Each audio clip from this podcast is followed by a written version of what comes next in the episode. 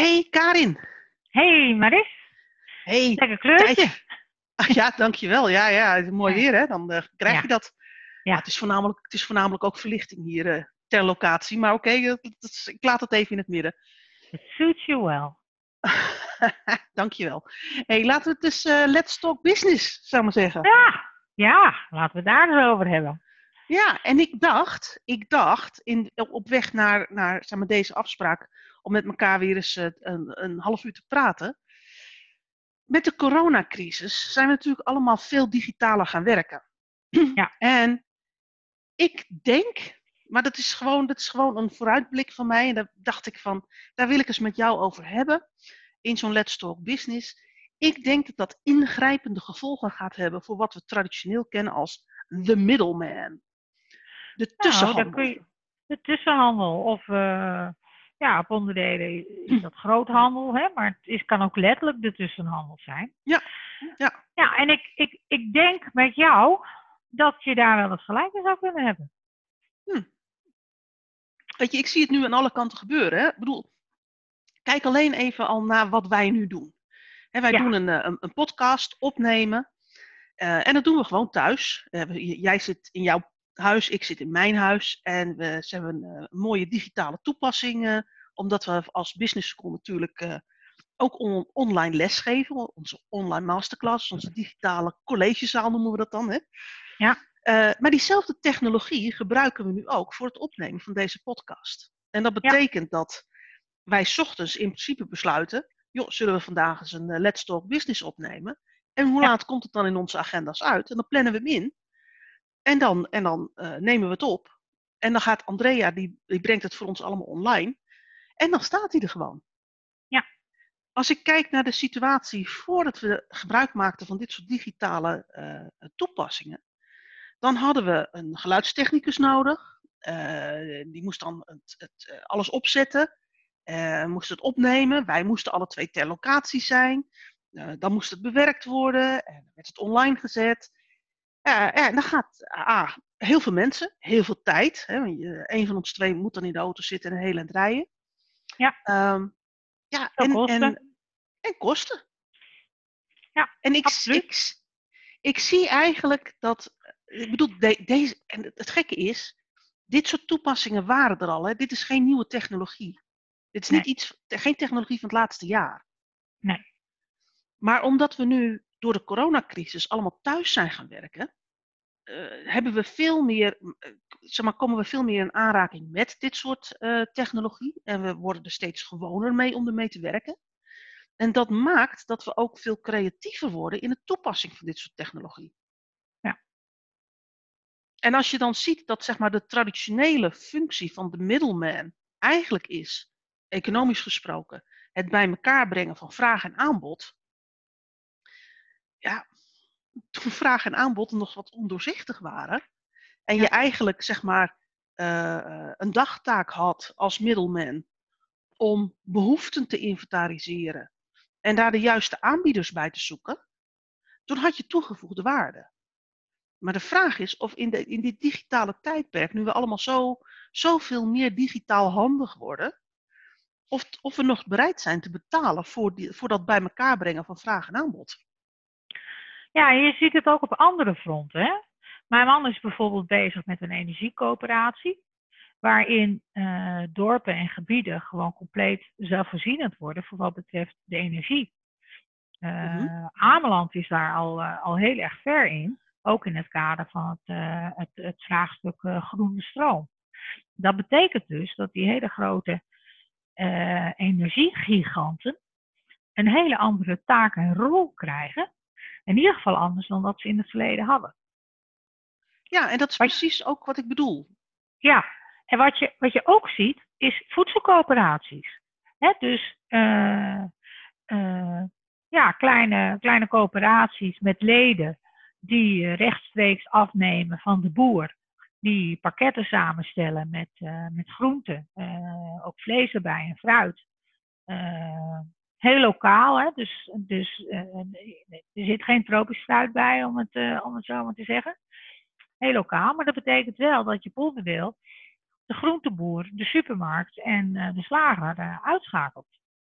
Ja, en, en, en hetzelfde zie je ook als je kijkt naar, het gaat weer over bij elkaar brengen van vraag en aanbod. Hè? Als je vroeger zeg maar een, een reclamebureau nodig had, of je had een bepaalde, nou ja, een bepaald soort zakelijke dienstverlening nodig, dan ging je naar een adviseur en die bracht je in contact met. Ja. Nu zet je op LinkedIn een boodschapje, joh, ik zoek een reclamebureau voor dit en dat. Of ik zoek bepaalde zakelijke dienstverlening voor dit en dat. Ja. En jouw netwerk gaat jou feitelijk alweer voorzien van contacten. Ja. Vaak, vaak met een linkje erbij, hè? zodat uh, Ja. beide partijen weten dat, je, dat, dat, dat, dat, dat, zeg maar, dat er gelinkt kan worden. Ja. En het, het is wel een hele tak van sport die wij zeg maar, compleet uit bedrijfskolommen slaan hè, nu. Absoluut. Als, als je nou naar dat fenomeen kijkt, hè, wat, wat zijn dan nog. Zie jij dan helemaal het einde van de, van de middleman? Of, of blijft er ook wel weer een vorm van middleman? Ja, ik denk dat er op onderdelen ook wel weer een vorm van middleman blijft. Ik moet daar even over nadenken, want als ik, ik denk namelijk niet dat. eh, hoe kijk jij daarna? Dat is een interessante vraag. Nou, ik, ik, ik denk dat er wel een vorm van middleman blijft bestaan. Maar voor hele specifieke diensten en voor hele specifieke doelgroepen. Op het moment dat ik een, een, een, een hoog belang ken aan hetgene wat ik, wat ik, wat ik wil hebben, uh, maar ik heb de inhoudelijke kennis bijvoorbeeld niet, dan zal er altijd een adviseur blijven. En ik ben ook bereid om die adviseur te betalen. Hè, laten we zo zeggen, wij, wij gaan verbouwen. Nou, wij willen heel graag uh, grote stappen vooruit maken van een heel donkerrood label op ons huis. Nou, op zijn minst een, een leuk, leuke groene variant, zal ik maar zeggen. Uh, nou, nou, ja, groen, ja, nee, groen is wel ons streven. Uh, ja, daar gaan we voor. Uh, daar, daarvoor moet er heel veel berekend worden. Er moet heel veel uitgedacht worden qua isolatie, qua uh, alternatieve energiestromen en al dat soort zaken. Nou hebben wij een jaar een, een huis uit 1925. Uh, en dat betekent dat het een complex vraagstuk is. Nou, ja. ik, ik heb van heel veel dingen verstand vind ik in ieder geval zelf. Maar niet als het gaat over dingen als isolatie en alternatieve uh, stroombronnen. En dat betekent dat op het moment dat ik deze wens heb, ik aan zal kloppen bij een zogeheten middleman, die mij gaat helpen om in contact te komen met de verschillende partijen, maar dat ook kan, uh, daar inhoudelijk in kan meekijken. En mij dus kan adviseren of die partijen die, die ik dan inhuur, wel of niet een goed advies geven wat voor mij bruikbaar is. Maar dan praat ik ook over een hele dedicated en gericht toegevoegde waarde.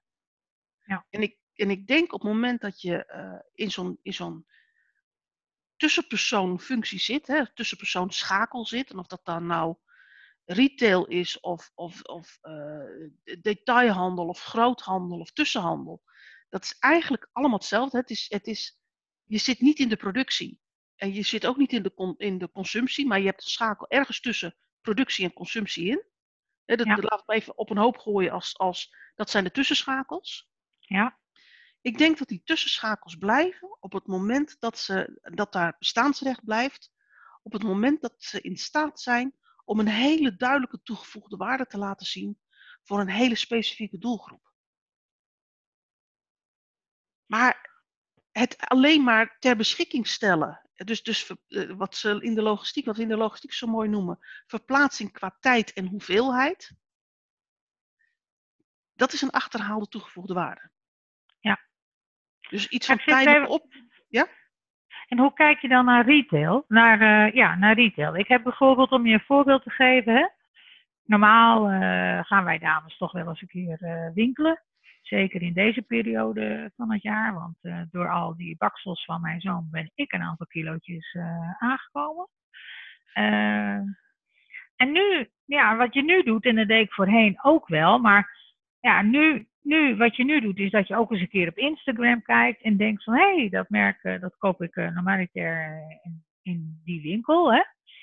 Maar ik kan rechtstreeks bij die, bij die ontwerper bestellen. Dat is nou Eh, precies, maar dat is nou precies wat ik bedoel. Ja. Maar ik denk toch ook dat ja, wij toch na deze periode ook wel weer de behoefte hebben om gezellig eens een keer Alkmaar in te gaan en een terrasje te pakken en dat winkeltje nog eens een keer op te zoeken. Dan was het alleen maar omdat je ja, gezellig vrije tijd doorbrengt met bijvoorbeeld een vriendin, ik noem maar eens wat, of met een zus of met hè, je moeder of je dochter. Of... Ja, maar de vraag is of we dat straks nog winkelend gaan doen. Ja? Of dat we eerder uh, uh, een massage, een nagelstudio of dat soort dingen pakken. Ergens een kopje koffie doen. Ja. Ja. ja, want dat kan snel veranderen. Want het is mooi dat je dat zegt. Ik had er later met, laatst met mijn dochter over. Uh, toen wij, zeg maar, ik was niet zo'n hele vroege stapper. Maar toen ik in het studentenleven uh, kwam, zo'n jaar of 18, 19, toen gingen wij toch wel eens uit. En dat uit, dat was behalve dan bij de studentenvereniging, was ook zo nu en dan hè, met de vriendinnen die ik had van thuis, zeg maar, naar een discotheek of een club of hoe je dat dan ook maar noemde. Die hele discotheken die zijn weg. Die zijn er gewoon eigenlijk helemaal niet meer. Kinderen doen dat niet meer. Die gaan loungen bij iemand thuis uh, of ze gaan naar een festival. Dus de hele manier van elkaar ontmoeten, wat jonge mensen doen en met elkaar omgaan en vrije tijd besteden, is eigenlijk binnen één generatie volledig veranderd. Ja, en, en toch denk ik dat er mogelijkheden blijven voor uh, retail, bijvoorbeeld in, in, de, in, bijvoorbeeld in mode. Hè? Ja. Uh, maar dan moet die een hele duidelijke toegevoegde waarde hebben. Ja. Dus ik roep het maar, jij hebt een bepaalde kledingstijl, ik heb ook een bepaalde kledingstijl. Wij zullen nog steeds verleid raken door naar een winkel te gaan waar onze kledingstijl hangt, mm -hmm. waar we eigenlijk niet hoeven te zoeken, nee. maar waar die kledingstijl ook aangevuld is met andere merken, met dezelfde ja. stijl, Precies. accessoires, Ja. uh, uh, schoenen, tassen, kettingen, sjaals en dan alles in één winkel. Krijgen meteen weer zin in. Want dat is, maar dat is het concept waar wij meerwaarde aan ontlenen. Maar Ja. een, een, ik noem maar eventjes een winkel van één merk. Nou, ik koop ook van eh, één merk is wel mijn favoriete merk. Maar daar koop ik alleen maar rokken en jurken. Is, een- dit is een Ja. heel handig verhaal voor mannen die luisteren. Geeft allemaal niets, maar je, je, het gaat even om het snappen van. Hè? Ik koop daar rokken en jurken. Maar ik koop daar nooit blouses en t-shirts. Omdat ik die niet lekker vind. Die zijn niet mooi, die, zijn, die zitten me niet lekker. Het materiaal is niet lekker. Daarvoor moet ik naar een andere winkel. En als er nou een winkel is die mijn jurken verkoopt en leuke t-shirts, dan ga ik daar al mijn aankopen doen. Dus, dus het, het heel specifiek op, je, op een doelgroep gaan zitten eh, en dat ook echt bieden. En dan ongeacht of het nou gaat over kleding of over auto's of over technisch advies voor verbouwingen. Dat maakt allemaal niet uit. Maar ik denk dat er nog steeds ruimte is voor een middelman, voor een tussenlaag, een niet producerende laag. Want daar praten we feitelijk over. Ja, Op het moment dat je de klant eigenlijk, de klant waar je je op richt, ook optimaal kunt bedienen en daar toegevoegde waarde aan kunt leveren. Ja. Bijvoorbeeld in vorm van advies. Ja. Maar dan moet dat advies ook oprecht zijn.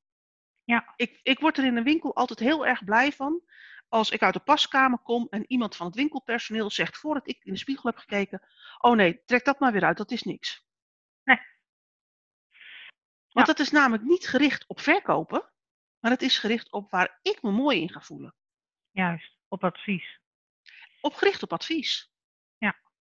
En, en ik denk dat daar, eh, als je praat over waar zit, en, en dan maakt het in principe niet uit hè, of dat nou online of offline gebeurt.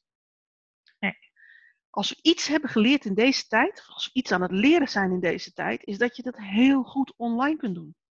Ja. Ik bedoel, als wij kijken met onze klanten, hè, we hebben klanten waar we, waar we consultancyopdrachten mee doen, waar we eh, strategietrajecten begeleiden. Ja. We hebben altijd gezegd, wij hebben ook altijd gedacht, daarvoor moeten we fysiek bij de klant zitten. Mhm. Workshops doen in interactie met die, met die klant, op locatie bij die klant. Het zien, het voelen, eh, het samen met flappen bezig zijn. We doen het niet nu via een digitale classroom. Ja. En, en waarom, kunnen, waarom heeft het meerwaarde dat wij dat begeleiden en dat ze het niet zelf doen? Is omdat wij in het, niet alleen het proces faciliteren, maar ook in het proces inhoudelijke vragen stellen inhoudelijke toevoegingen doen. En hun daarmee, door, door, door onze inbreng en begeleiding, naar een hoger niveau brengen van wat ze snappen over hun organisatie. Ja. Ja.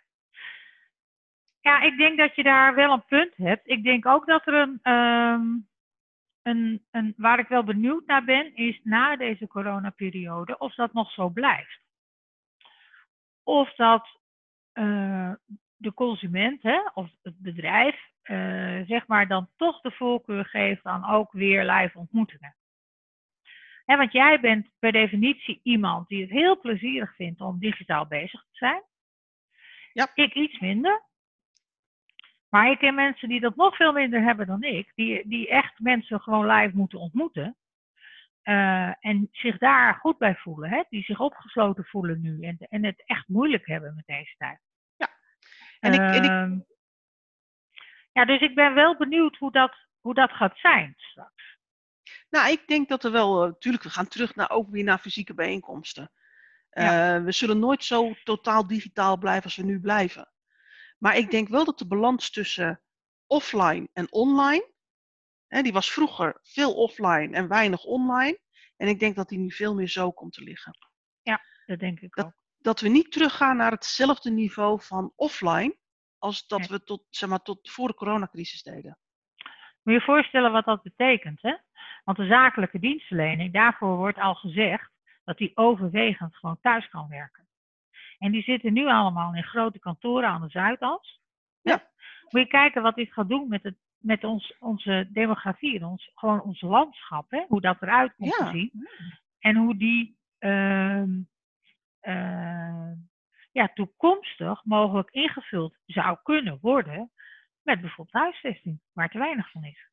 Nou, als je, als je bijvoorbeeld, uh, kijk, heel veel uh, bedrijven waren zeg maar, voor toen kantoorfunctie een beetje erop uitgekomen van vier dagen in de week naar kantoor, één dag thuiswerken. Stel, nou, nou, stel je nou eens voor dat we het niet volledig omdraaien. Dus niet vier dagen thuiswerken, één dag op kantoor. Maar drie dagen thuiswerken, twee dagen op kantoor. Moet je kijken wat dat dan voor een verschil gaat opleveren. Ja, absoluut. En, op het moment dat je, en op het moment dat je maar twee dagen naar kantoor gaat op een dag, of op een week, sorry, per week, hè, uh, dan kun je ook de beslissing nemen om te zeggen: die twee dagen vind ik het heel acceptabel om langer in de auto te zitten. Dus ik hoef niet meer in een straal van zoveel kilometer rondom mijn werk te zitten. We hebben natuurlijk traditioneel een enorme uh, uh, beeld gehad van het trek naar de, naar de grote steden. Juist omdat mensen graag dicht bij hun werk wouden zitten. Omdat, uh, om allerlei redenen, het aantrekkelijk is om dichter bij je werk te zitten. Maar als dat, als, als dat niet meer hoeft, omdat je nog maar twee dagen in de week naar kantoor gaat, ja, dan kun je ook ergens in een buitengewest gaan wonen. Ja. Nou hebben we dat liever niet, hè? Wij vriezen onder ons. Wij Hagenezen vinden het heel lekker als mensen de stad uitgaan. Nee, maar dat is absoluut waar. En dat betekent dus ook een hele andere demografische spreiding. Hè? Dat zou best eens uh, het gevolg uh, kunnen zijn. Uh, ja, van het, ja, en tegelijkertijd denk ik ook dat, dat er toch nog altijd gewoon een kern daar in het Westen wil blijven wonen. Maar dat, wel. Dat, zou, dat zou wel eens heel anders kunnen worden op het moment dat er weer een generatie overheen gaat. Het voorbeeld wat ik je noemde met hè, de discotheek, die gewoon compleet verdwenen is. Ik dacht, ja, inderdaad, dat doen die kinderen gewoon. Uh, is soms aha-erlevnis die je dan kunt hebben. Hè? Van, ja. Dat doen die kinderen helemaal niet meer. Doen jouw kinderen nee. dat nog uitgaan? Uh, nee, maar dat ligt ook een beetje in het aard van het beestje. Ja. Mijn kinderen zijn opgevoed met uitgaan is uh, lekker uit eten gaan. Dus dat is, dat is een andere vorm van uitgaan. Ja, dat. Maar, het, maar intussen, even terug, terug naar het onderwerp. Ik denk dat er dus, ik denk dat er heel veel uh, bedrijven en mensen die werken in die tussenlagen, dus de niet producerende lagen van de bedrijfskolom, dat die uh, gaan verdwijnen. En ja. dat er alleen nog maar bestaansrecht blijft voor tussenlagen die een hele duidelijke toegevoegde waarde bieden voor of de producent, want dan worden ze door de producent betaald, ja. of voor de afnemer, want ja. dan worden ze door de afnemer betaald. het klakkeloos. Moet je je voorstellen, 30 jaar geleden hadden we in eigenlijk elke productiekolom hadden we een groothandel, een tussenhandel, een eh, detailhandel en dan hadden we de retail. Nou, Ja. retail en detailhandel is al in elkaar geschoven. Ja. Tussenhandel is er ook over eigenlijk al overal tussenuit. Eh, en nou heb je nog, nou ja, dan heb je nog wel de tussenschaal. Kijk naar ICT, functioneel beheer. Ja. Wat gaat daar nou mee gebeuren? Ja. Technologie wordt steeds toegankelijker. Vroeger moest je een IT-opleiding hebben gedaan om überhaupt iets van te snappen wat je op een computer kon doen. Ja. Tegenwoordig is het allemaal zo. eh, eh, eigenlijk die, te- die technologie is zo toegankelijk geworden. hm, Dat zelfs jij heleboel kunt digitaal. Ja. of, Maar ik, dus of ik vraag mijn kind, hè? Want die kan dat zeker. Ja, maar, maar dus de vraag is, waar, waar wij vroeger functioneel, toen in mijn eerste baan hadden wij functioneel beheer. En die man die liep, dagelijks, eh, liep dagelijks iemand bij ons op de afdeling. Om eigenlijk de, de, de noodzakelijke vragen, welke, waar is deze knop, hoe kan ik dat vinden, te, te beantwoorden. Ja. Dat gebeurt helemaal niet meer. Nee, dat klopt. Ja. Maar als jij nu een retailbedrijf had, hè? Bijvoorbeeld een modezaak, ik noem maar wat. Wat zou jij dan doen in deze tijd? Ik, ik zou mij echt gaan eh verbijzonderen. En ik, denk, ik, ik zou mijzelf afvragen, wie is mijn ideale klant? Ja. Dus wat is nou de klant die ik het liefst in mijn winkel zou willen hebben? Die ik Ja. graag compleet zou willen bedienen. En dat moet Ja. ook een klant zijn die dus voldoende geld heeft om aan jou uit te geven. hè? Ik bedoel, Precies. zo werkt het Ja. dan ook. En dan, ga, dan zou ik me afvragen, wat wil die klant van wat ik in mijn winkel heb? En wat koopt die klant nog op, op kleding en op modegebied buiten mijn winkel? Ja. En hoe zou ik dat nou in mijn winkel kunnen brengen? Ja. Hoe zou ik nou die klant in zijn geheel kunnen bedienen? Ja. Eigenlijk word je dan een soort van personal shopper met een winkel. Ja, ik wou het net zeggen. Ja. Ja. Waarbij je toegevoegde waarde zit op het kennen van je klant. En dus ook weten hè, wat hem of haar mooi staat, goed zit, lekker voelt. eh, Ja. hè, fijn draagt. Ja. Eh, waarbij ook tussentijdsmomenten zijn waarop je die klant aanspreekt. Hé, hey, er is een pakje voor je binnengekomen. Ik denk dat het perfect voor je zou zijn. Ja. Hè, dat. Ja, en dat is wat anders dan de, de Primarks en de CNA's van deze wereld. Ja. Maar die, laten, die hebben eigen productie, of die laten zelf productie doen. Ja. Dus dat zijn gewoon, ik noem het maar eventjes, het is het verkoopkanaal van hun eigen productie. Precies. Dat is wat anders. Hè? Maar op het moment dat jij zeg maar inkoopt bij merken en je verkoopt het weer aan klanten. Ik, ik denk dat wij met elkaar zo handig worden om digitaal van alles uit te zoeken, dat we dat niet meer via een tussenpersoon willen doen. Nee. Want jij vindt het veel leuker om dat jurkje te kopen rechtstreeks op de site van de, van de, van de ontwerpster. Helemaal als die ontwerpster jou dan ook nog een, een mailtje gaat sturen van wat leuk dat je bij me koopt. Ja, maar ik ben nu wel eh, in deze tijd zo dat ik heel erg bewust ben waar ik koop en dat ik met name kleine ondernemers steun. Ja. In deze regio. Ja, dus maar het- als, en, dat gaat, en dat gaat zelfs zover dat ik een, een modewinkeltje waar ik regelmatig koop, eh, heb gezegd: Ik heb dit jurkje gezien. Heb jij dat ook? En zo niet, kan je het voor me bestellen. Dat ik Ja. haar gun dat ze de marge daarop maakt. maar, dat, maar dat gun je haar alleen omdat zij eh, buiten deze periode ook dingen voor jou doet. Precies. Want anders ga je dit ook in deze periode niet aan haar vragen. Nee, klopt. Ja, dat klopt. Nou, de toekomst van de tussenpersoon is dus discutabel. Ja. Tenzij, tenzij ze echte toegevoegde waarde weten te produceren. Ja. Nou, en ik denk, dat, dat, een- dat, dat dat een mooie sluiting is voor, eh, voor dit moment. Hè, waarbij we eigenlijk ook wel het advies kunnen geven aan alle tussenpersonen dat dit wel een goed moment is om je daarop te gaan beraden. Ja, dat denk ik ook. Ja, absoluut. Nou, mooie Mooi inzichten weer. Yes, Ja. mooie inzichten. We gaan, eh, het op een andere moment weer, eh, gaan het op een ander moment weer vervolgen. Zo is het. Tot gauw hè. Doei doei.